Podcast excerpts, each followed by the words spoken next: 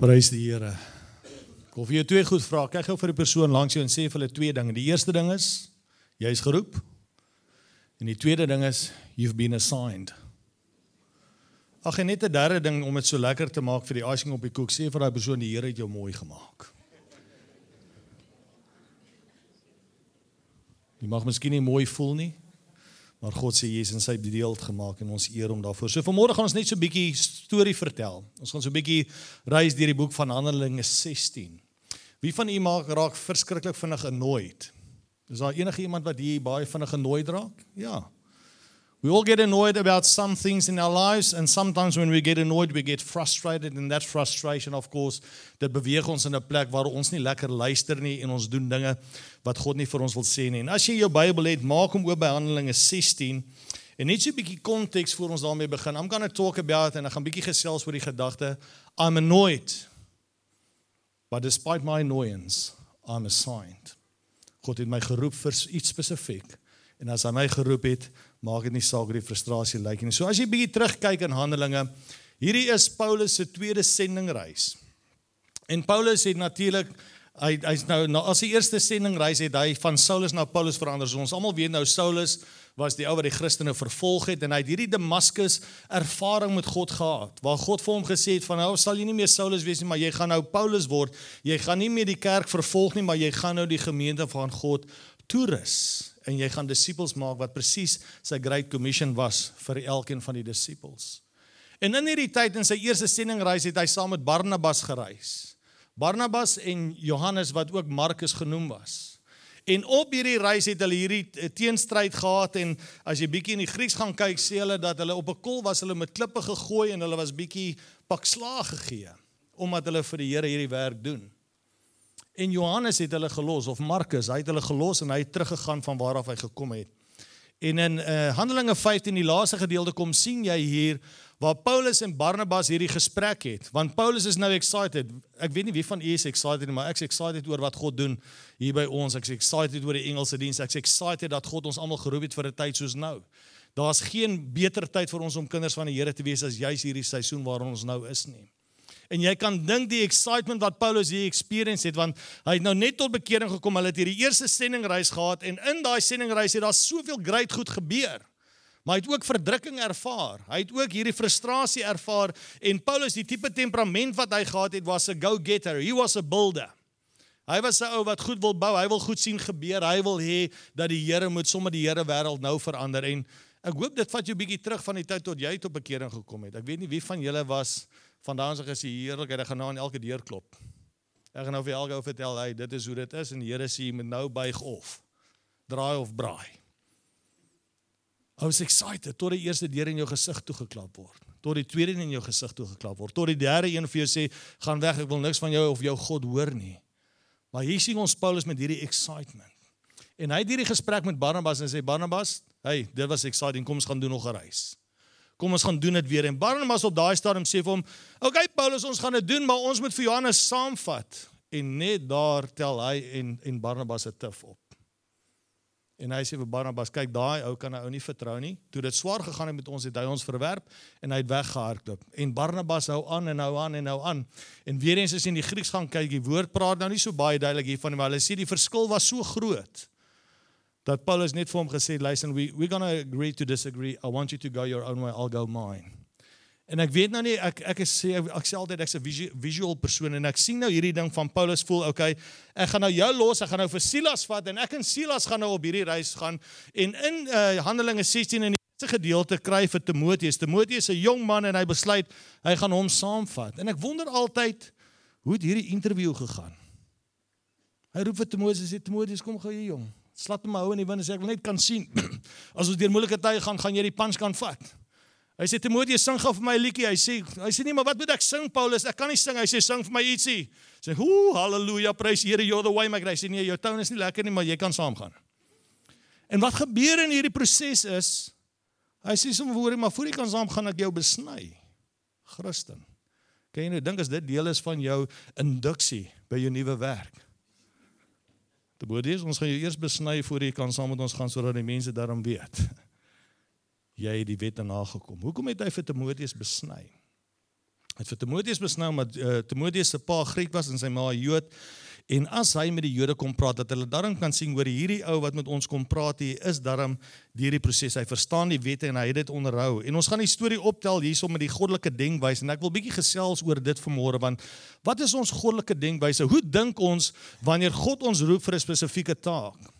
Vir wie luister ons? In hierdie opsig is dit Paulus uh, wat vir Silas sê en vir Timoteus, hoor die ouens, ons gaan nou op reis gaan en ek dink ons wil nou die wêreld vir die Here gaan vat. Maar in hierdie oomblik wat hulle dink aan dit, vra hy nie vir homself, maar wat sê God? Waar is dit wat God wil hê ons moet gaan nie? Hy's so excited oor hierdie journey waarop hulle moet gaan, maar in ons goddelike denkwyse kom ons eie denkwyse soms en dit kompeteer met dit wat God wil doen. Dink net wat excitement vir jou doen. Pappas wat vanmôre opgestaan het. Jy het verwag hier kom hierdie groot ontbyt daar in by jou kamer met mooi kersse en spakels wat fly en almal wat op en af dans en sê happy father's day. En skielik kom dit nie en jy's teleurgestel. Ek weet nie hoe dit in jou huis werk nie, maar ons celebrate al hierdie dae pragtig. Want is nodig om mekaar te celebrate. Maar jy's so excited oor wat volgende gaan gebeur en hier's Paulus, hy's so excited om hierdie werk vir die Here te gaan doen dat hy nie bid en hoor wat is dit wat die Here wil sê nie. En ek wil hê jy moet net dit vir jou as 'n basis lê vir jouself. Hy wou die regte dinge gaan doen het. Baie keer dink ons oor die regte dinge wat ons wil gaan doen, maar ons kyk nie by God of ons ons bid nie en ons vra nie Here, is dit wat U wil hê ons moet doen nie? So hoe gaan jou jou denkwyse, hoe kom eh, kompeteer dit met wat God sê? Maak ons staat op ons eie gedagtes soos soos die woord sê of maak ons staat op God se gedagtes? En ons gaan net hier en daar na uh, gedeeltes kyk. Kom ons kyk na Handelinge 6 vers 6 16 vers 6 tot 10. Hy sê Paulus hulle het deur die landstreke van Frigië en Galasië gereis. Hulle wou van daar af 'n westelike rigting na die Romeinse provinsie Asië toe gaan om daar te gaan preek. En nou sê die hier wonderlike skrif die Heilige Gees wou hulle egter nie toelaat om dit te doen nie. Goddelike denke. Wat sê God vir jou versus wat sê jy vir jouself? Hulle wou 'n sekere direksie gaan en ek ek vind dit altyd interessant as ek hierdie stuk lees want Lukas het Handelinge geskryf van Lukas was 'n dokter en hy was 'n ou wat altyd detail daar gehad het en ek wonder Lukas Hoekom sê jy nou nie 'n bietjie detail gee nie hoe die Heilige Gees hulle gestop? Wat het die Heilige Gees vir hulle gesê dat hulle nie moes gaan nie? Maar hy sê net die Heilige Gees het hulle gestop. En ek wil hier met bietjie dink as jy reg kyk oor die woord van die Here. Dink aan Moses, dink aan Josef, dink aan al hierdie groot name. Josef het hierdie visioen gehad. Josef het nooit geweet hy gaan die prime minister word nie.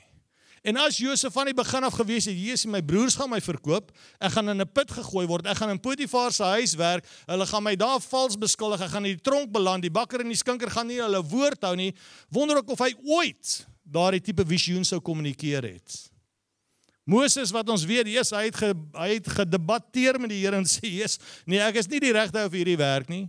As hy geweet het hy moes teruggaan na Farao toe, as hy geweet het hulle gaan die Rooi See moes deurgaan, as hy geweet het hierdie miljoene Israeliete gaan vir hom elke dag grief gee en hom frustreer en hom nooit maak, sou hy dalk net gesê nee Here, dis nie vir my nie. That's why it's important to hear from God. Om jou gedagtes met God se gedagtes te belyn want die Heilige Gees het hulle nie toegelaat om dit te doen nie. Hulle het toe die roete verander en na Missie toe gegaan. Van daar af wou hulle dan na uh, Betinie reis. Maar weer 'n keer het Jesus hulle deur die Gees gekeer om soontoe te gaan.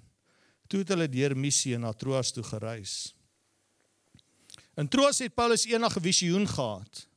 Hy het gesien hoe 'n man uit Macedonië daar in die noorde van Griekeland voor hom kom staan en by hom pleit. Kom dadelik na ons toe. Kom help ons. Na hierdie droom het Paulus presies geweet wat om te doen. Hoekom het hy geweet nou skielik? Want skielik het God in die prentjie ingekom. God het skielik vir hom kom sê dit is wat ek vir jou wil doen. Dis die pad wat ek vir jou gaan gelyk maak. En ek wil hê jy moet nou 'n bietjie vir jouself begin dink. Eers was daar daai wil van myself, dis wat ek Paulus wil gaan doen. Ek en Silas en Timoteus, ons wil al hierdie mense van die Here gaan vertel, maar hulle het geen insig gehad wat daar sou gebeur het as die Gees hulle toegelaat het om soontoe te gaan nie. Wou hulle die regte ding gaan doen? Ja, hulle wou. Hoeveel keer wil ons die regte ding doen? dan vind ons hierdie teestand en dit werk nie uit nie dan is ons omgekrap vir onsself ons is omgeskrap met die wêreld rondom ons en ons is omgekrap met God want Here ons het dan dit vir u gedoen Paulus presies geweet wat om doen hy hy hy het vir ons almal wat saam met hom was gesê om dadelik gereed te maak om Macedonië toe te gaan En Paulus was nou oortuig dat God ons almal geroep het om die goeie nuus vir daardie mense te gaan vertel. Dis hoekom Paulus daar in Romeine 12 sê: Vernuwe jou gemoed op 'n daaglikse basis. Belyn jou denke met God se denke, sodat ek en jy kan weet wat dit is waartoe God ons roep en hoekom hy ons daartoe roep. Nou gaan hy aan in vers vers 13. Op die Sabbatdag het ons na 'n rivier net buite die stad gegaan. Nou hier wil ek bietjie gesels oor wat gebeur wanneer jou realiteit anders te lyk as die droom wat jy gehad het. Wat is die visioen wat God hom gegee het? Hy sê hy Ek stuur jou na 'n man toe wat roep. Hy verwag om 'n man te ontmoet daar in Macedonië. Hy verwag om daar aan te kom en hulle gaan hierdie man kry waartoe God hulle dan nou stuur. En interessant, hier stuur God hulle nou na hierdie plek toe en op die Sabbatdag het hulle by die rivier by die stad gestap. Ons het gehoor dat mense gewoonlik daar by mekaar kom om te bid. In die Engelse vertaling sê dit they were expecting to find people there en ek weet nie wie van u weet in daardie tyd is om 'n tempel in 'n stad te gehad, jy moes daar meer as 10 Joodse mans gewees het. En in hierdie stad was daar nie meer as 10 Joodse mans nie, so daarom was daar nie 'n tempel gewees nie. Daarom het hulle gegaan na die rivier toe want hulle het vermoed mense mag daar by mekaar kom en nou dink jy skandelik. Oral waar dit is, want die was 'n Romeinse ryk waarin hulle nou beweeg het. Daar was nie meer as 10 Jode nie. Daar was nie 'n tempel nie. Nou, hoe gaan hulle dan nou hierdie woord van die Here uitbring? Hoe lyk dit by jou werksplek? Hoe lyk dit by jou skool? Hoe lyk dit in jou verhouding of in die verhoudings waarin jy ingaan of jou vriendekringe as daar nie eers 'n gelowige daarin is nie? En in baie van ons werksplekke is dit so. Waar jy elke dag stuur God jou in 'n plek en in daai plek frustreer jou en jy word so annoyed want Here, wat soek ek hier? Hierdie realiteit, Here, is anders as die droom wat ek gehad het. God het ons almal Nieu-Seeland toe gestuur. Ek glo dit. Dit maak nou nie saak op watter manier jy hier gekom het nie. Miskien het jy 'n werksoffer gehad, miskien het iemand jou gehet dan, miskien het jy op jou eie manier hier aangekom, maar die feit dat jy hier is vanmôre, whether jy residence het of nie, ten spyte daarvan of jy dalk met jou visa proses sukkel of nie. Daar's 'n rede waar jy hoekom jy hier is in hierdie seisoen. God het dit toegelaat vir 'n rede. En daai realiteit vir jou mag dalk 'n baie challenging realiteit wees. Jy mag dalk vanmôre in 'n situasie sit waar jy sê, "Jesus Here, dit is nie wat ek in gedagte gehad het nie. Ek gaan op die vliegtuig klim en ek gaan teruggaan na my ou gemors toe van waar ek myself waar U my uitgehaal het." En dan begin jy in jou in jou binnekant hierdie storm hê. Here, maar hoekom is dit nie soos wat ek gedink het dit gaan wees nie? Maar as jy's in daai plekke waar dit nie voel en lyk soos wat jy dink dit moet wees en waar God die grootste wonderwerk in jou lewe doen en die grootste werk vir sy koninkryk doen. Hulle is by die rivier en wat gebeur daar? Ons het egter daar gaan sit, begin gesels met 'n paar van die vroue wat daar was. Een van die vroue Lydia wat uit die stad van teater afkomstig was en wat dierpersmateriaal verkoop het, het vroeër al die Joodse geloof aangeneem. Sy het aandagtig gesit en luister na wat Paulus gesê het. Die Here het Lydia aangeraak sodat sy die goeie nuus oor Jesus en die geloof aanvaar het. Wat gebeur hierso? Lydia die purper verkoopster, 'n ryk sakevrou. Kyk hoe wonderlik werk die Here. Hulle they expecting to meet a man. Die man waarvoor die Here hulle gestuur het, die man wat gesê kom help ons hier, ons het jou hulp nodig, ons het die woord van God nodig in ons konteks. En onthou nou, Paulus, hier waar hy nou bedien is net so in 'n 60 jaar tydperk vandat hy Jesus nou opgevaar het en in in die kerk begin het, die vroeë kerk het begin. So in daai 60 jaar tydperk het Paulus begin sy opgemaak saam met Petrus en die res van die manne. Het hy begin bedien. Paulus het presies geweet waarvoor hy homself inlaat want hy was die ouens wat die Christene vir uh, gesoek het om hulle dood te maak en hulle te arresteer en skielik stuur God hom na daai selfe mense toe om te sê nou gaan jy hulle bedien met liefde, met geloof, met hoop. 'n Heeltemal 'n paradigm shift. En hy kom daar en hy bedien hierdie vrou en later in die woord jy kan gaan lees in die ander verse sê hy omdat Lydia God aanvaar het is haar hele gesin gered en haar hele gesin is gedoop. En ons gaan nou 'n bietjie praat oor die significance van dit. So wat is jou denkwyse vanmôre? Dis die eerste gedagte in die storie. Is jou denkwyse belyn met God se gedenkwyse en doen ons dit wat hy sê vir ons moet doen en stry ons nie teen dit waartoe hy ons stuur nie.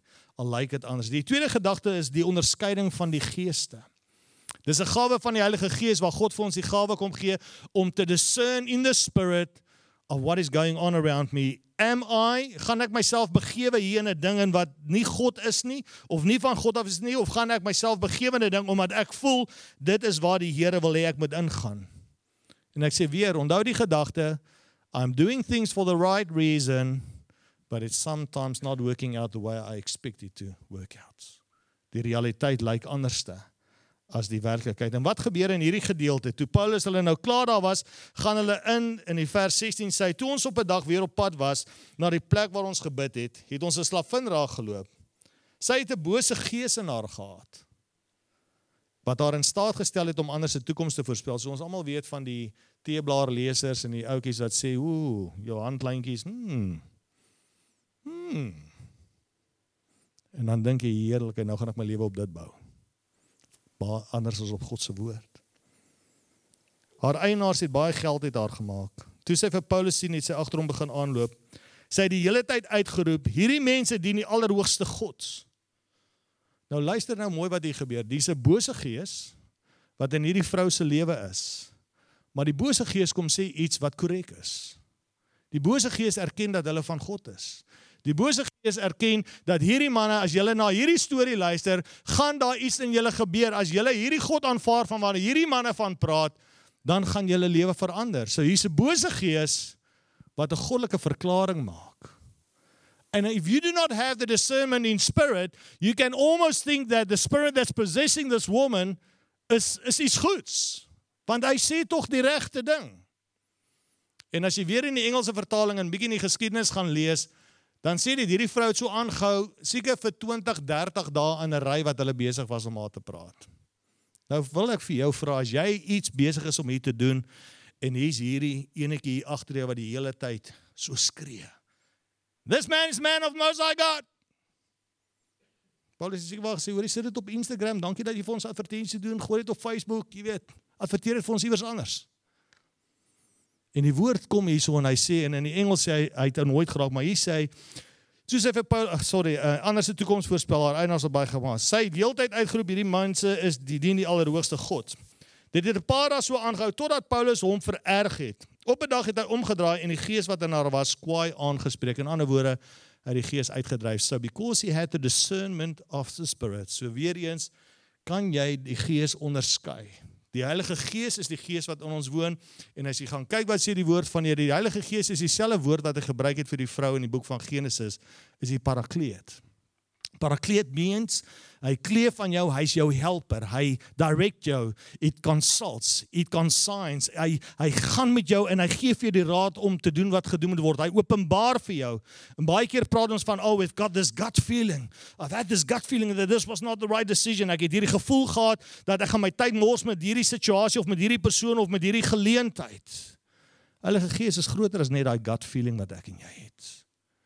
Heilige Gees vir daai daardie oomblik wat jy daai openbaring kry en sê hierdie klink reg, maar dit is nie van God af nie.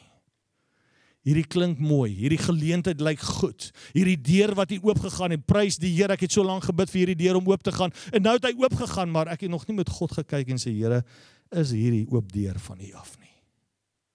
Am I just going to do it because it feels right? Because I think and I want it to be right sien dis die probleem wanneer ons kyk na wanneer ons gebede het vir die Here. Hoe antwoord God? Wie van julle hou van 'n nee antwoord? Nobody. We live in an instant generation. Ons wil sê Here, U moet gou maak, want as U nie gou maak nie, gaan ek dit sommer self doen. Dis die mentaliteit. En wanneer God nee sê dan dan maak ons asof ons asof ons hom nie hoor nie want ons wil hom eintlik hê hy moet ja sê. Of hy sê nie nou nie, of hy sê wag 'n bietjie meer. En Paulus het toe hierdie gees uitgedryf. So kom ons gaan net bietjie aan van daar. Wat het nou hierso gebeur? So uiteraard het die eienaars van hierdie slavin net nou geld verloor. Hulle het inkomste verloor want hulle het nou die gees uitgedryf. My magtig. Jy die goose that laid the golden eggs, het jy nou jy weet jy dit nou vir ons verdoem. En onmiddellik gaan verklaar hulle vir Paulus en vir Silas. Nou weer eens, they busy doing the right thing but they experience a negative response to it. Hier is hulle ewen waar God gesê het hulle moet gaan. In die eerste plek sien hulle nie die man waartoe God hulle gestuur het. Hulle vind 'n klomp vroue daar want daar was nie meer as 10 geredde Joodse mans daar nie. En hulle sit in hierdie situasie en dit is waaroor hierdie volgende gedagte gaan wanneer gehoorsaamheid nie sin maak nie. Wanneer ons in 'n situasie en, en dink Here, maar ek het van U gehoor en ek doen presies waarvoor U my geroep het en Here, nou werk hierdie dinge nie uit soos wat dit moet wees nie. Here, dit lyk nie soos wat U vir my gesê het dit gaan lyk nie sien soms is die die resultaat van gehoorsaamheid teenstrydig met dit wat jy verwag het. Ons almal hou so baie van daai skrif in Romeine wat sê Ehm um, alles sal ten goeie meewerk vir die wat die Here liefhet. Doen aan ander sodat hulle ook goed aan jou sal terugdoen. En baie keer investeer jy in mense se lewe en jy dink, "Hoe, ek nou vir Andreas dit gedoen, so sekerlik gaan hy dit vir my terugdoen." En dan doen hy dit dalk nie terug nie en dan wat? Nou nou is jy vies vir hom. Maar nou vergeet jy dat skielik het God vir Henry gestuur om vir jou dubbel te bless met dit wat jy hier in Andreas se lewe belê het of in Nick se lewe. En ons verwag dat die blessing van hierdie kant af kom want dis hier waar ons geïnvesteer het. Of hier by Jage geïnvesteer of by wie ook al Here. Het ek het die regte ding gedoen wat U vir my gesê het Here ek het dit kom doen hierso. Maar Here it's not been reciprocated. Why is it not coming back to me en wat gebeur? Ons raak ontevrede met God ons raak nooit en daai nooiens lei tot kansellasie en sê Here ek gaan nou nie meer hierdie ding doen nie. Dit is nou nie alles wat ek gedink het dit gaan wees nie. Dis hoekom mense opgee op hulle huwelike. Dis hoekom hulle opgee op hulle werk. Dis hoekom hulle opgee op hierdie proses van immigrasie Dis hoekom hulle opgee op by lewe. Ons weet dat in Nieu-Seeland is die jong mense se selfmoordsyfer so hoog. Daar's een kind uit elke 5 wat elke dag selfmoord pleeg. Daar's 3 uit elke 5 wat elke dag selfmoord oorweeg. 3 uit elke pastoor in Nieu-Seeland oorweeg selfmoord elke dag.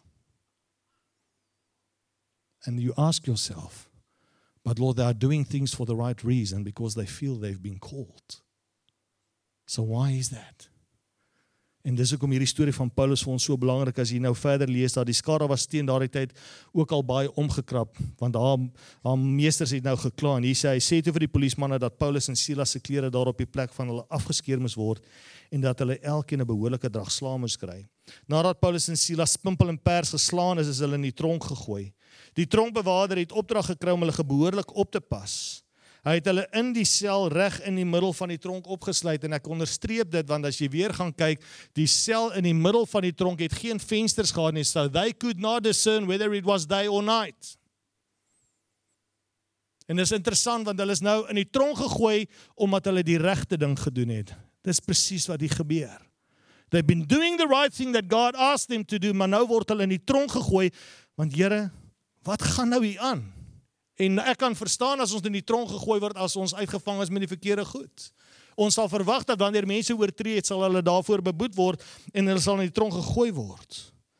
En hierdie ou word opdrag gegee om hulle te bekyk, om seker te maak dat hulle nie ontsnap nie. Johannes 16:33 sê Jesus vir onsself: Dit het ek vir julle gesê dat julle in my vrede kan hê. In die wêreld sal julle wat hê? Verdrukking. Wat is verdrukking? Verdrukking is al daai goeders wat rondom ons gebeur wat negatief is wat jou laat voel Here wat ek mee besig is alhoewel ek U so lief het Here dit die gewig is net te veel. Here dis nie die moeite werd vir my nie. Ons sing al hierdie wonderlike liedjies vanmôre Why make a miracle worker. Wat doen daai aanbidding? Aanbidding maak die pad oop om te sê Here my hart gaan oop sodat U woord kan penetreer sodat die waarheid my kan volmaak, sodat my tank kan volmaak, sodat wanneer hierdie verdrukking kom, Here, dat ek kan staande bly, dat ek kan voortgaan, dat ek nie hoef oor te gee nie. En wat gebeur nou? Hulle gesindheid is die ding wat 'n verskil maak hier.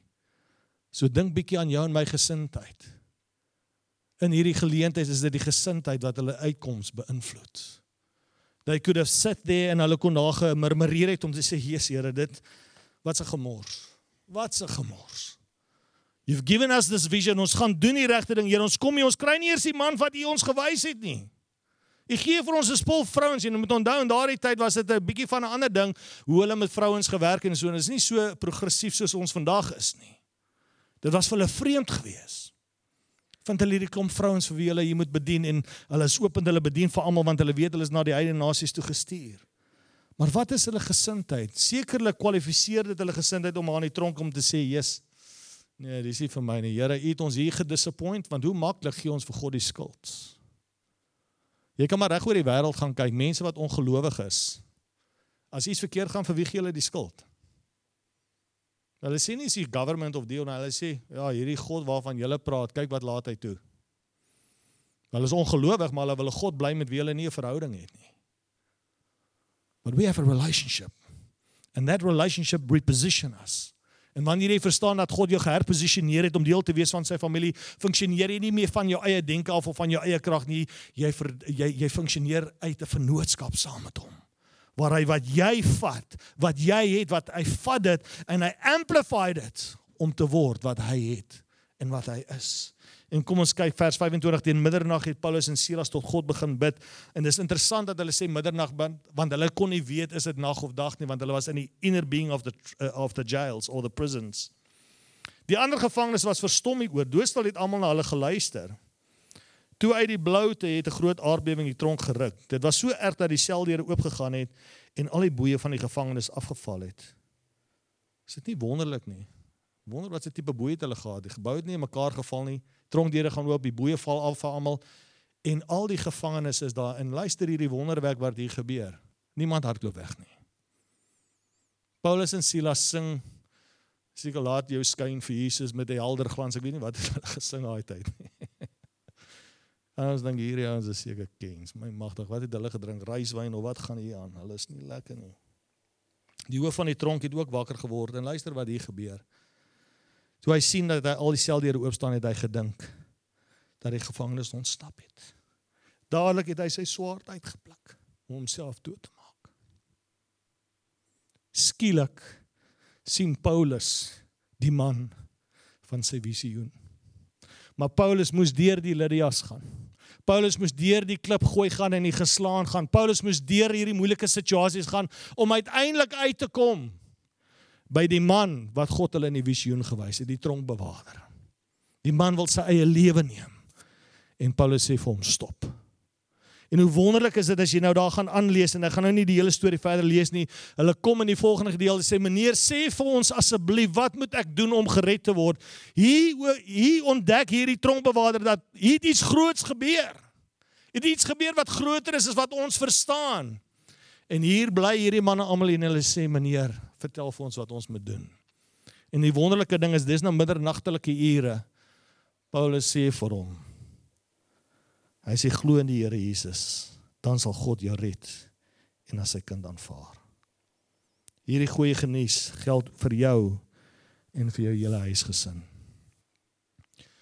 Nou dis Vadersdag vandag. Ek wil nie nou oor vaders praat nie, maar sien u die belangrike rol wat die pa gespeel het hier. Kyk vir Lydia die purper verkoopster, sy het nie 'n man gehad nie. Lydia was die vrou wat toe sy die Here aanneem, toe sy hele gesin daai pad gevolg. Toe die tronkbewaarder God aanneem as sy verlosser en persoonlike saligmaker, het dit vir sy hele gesin gebeur en die woord sê jy kan verder gaan lees daar die hele gesin was gedoop daai selfde aand. Nou ons het gister gou 'n doop gehad daar in die see, lekker koud hier by Campbell's Bay. Ja, lekker vars jy onthou hom. En ek wonder as jy in die middernag tot bekering kom, wie van julle gaan dan sê, Here, wow, ek moet nou gedoop word dadelik, kom, waar is die water? Nee, ons wil altyd probeer ons lewe in orde kry. Ons wil eers onsself skoon was voor ons in die stort klim wat ons eintlik gaan skoon was.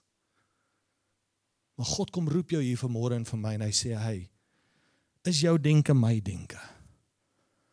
Kan jy onderskei wanneer dit ek is wat met jou praat of wanneer die wêreld jou 'n triek voor die oë begin gee? Is jou gehoorsaamheid van so aard dat jy kan beweeg in dit waarvoor ek jou geroep het en is jou gesindheid die regte gesindheid wat jy het. En as jy nou in die geskiedenis gaan kyk, die Lydia en haar gesin, die tronkbewaarder en sy gesin, is die rede dat die kerk van Filippense begin het. If it was not for that, the church of Philippi would have not originated. God se visioen, nie ons nie. God se plan. Al het ons die regte idee, al het ons die regte beginsel, is dit waaroor dit gaan. Ek sluit af met hierdie slide wat ek op die skerm gehoor wat sê Warren Wiersbe. Hy sê whenever God works, he chooses the right worker, uses the right plan and acts at the right time. Ek het vir jou in die begin gesê om twee goed vir die persoon langs jou te sê.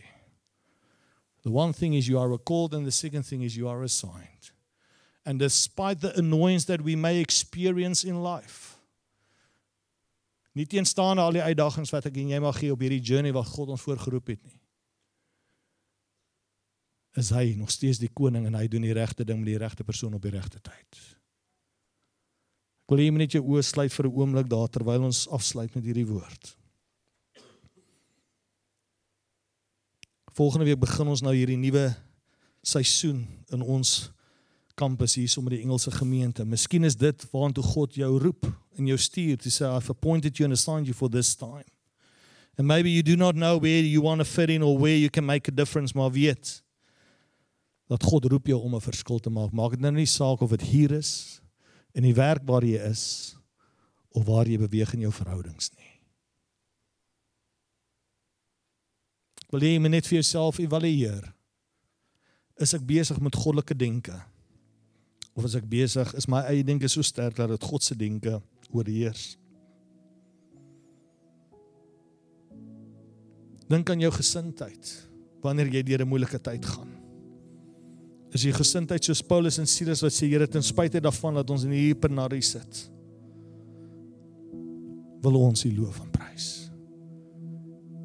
Through the storm we want to worship you. Through the storm we want to acknowledge you. Through the storm we want to give you honor and praise. En dan op die regte tyd wanneer ons dit gedoen het, om te sien God se droom vir ons verwesenlik. Die visioen wat hy gehad het en gegee het, sien jy verwesenlik in jou tyd, in jou in jou omgewing, in dit waarin jy beweeg. And that's an opportunity for us to say, Lord, I come before you fully surrendered. Come to surrender my thoughts. I come to surrender my heart sodat ek 'n man of 'n vrou na God se hart kan wees. Heilige Gees mag U die naprediker wees van hierdie woord. Dat ons kan verstaan dat ons elke een se lewe het 'n storie wat miskien soos hierdie storie van Paulus en Silas in lyk. Wat die realiteit anders te lyk as dit wat ons gedroom het dit sal wees. Maar in hierdie realiteit vind ons ook die goddelikheid. En die krag speel in ons lewe deur die krag van die Heilige Gees en die krag van die Heilige Woord. Word die werklikheid meer en meer soos ons saam met U beweeg in elke tree wat ons gee. Mag ons nie kyk na die horison nie, mag laat ons net kyk vir die volgende tree wat ons moet gee om te sê Here, ek vertrou U in alles om hierdie volgende tree te gee of dit in my werk is, in die proses van immigrasie, of dit in my huwelik is, of dit in verhoudings is, of dit in vriendskappe of familie of communities is. Here gee my die regte antwoorde. En die regte toerusting om my volgende tree te gee. En mag U in dit alles verheerlik word. My Here en my God. En die volk van die Here sê: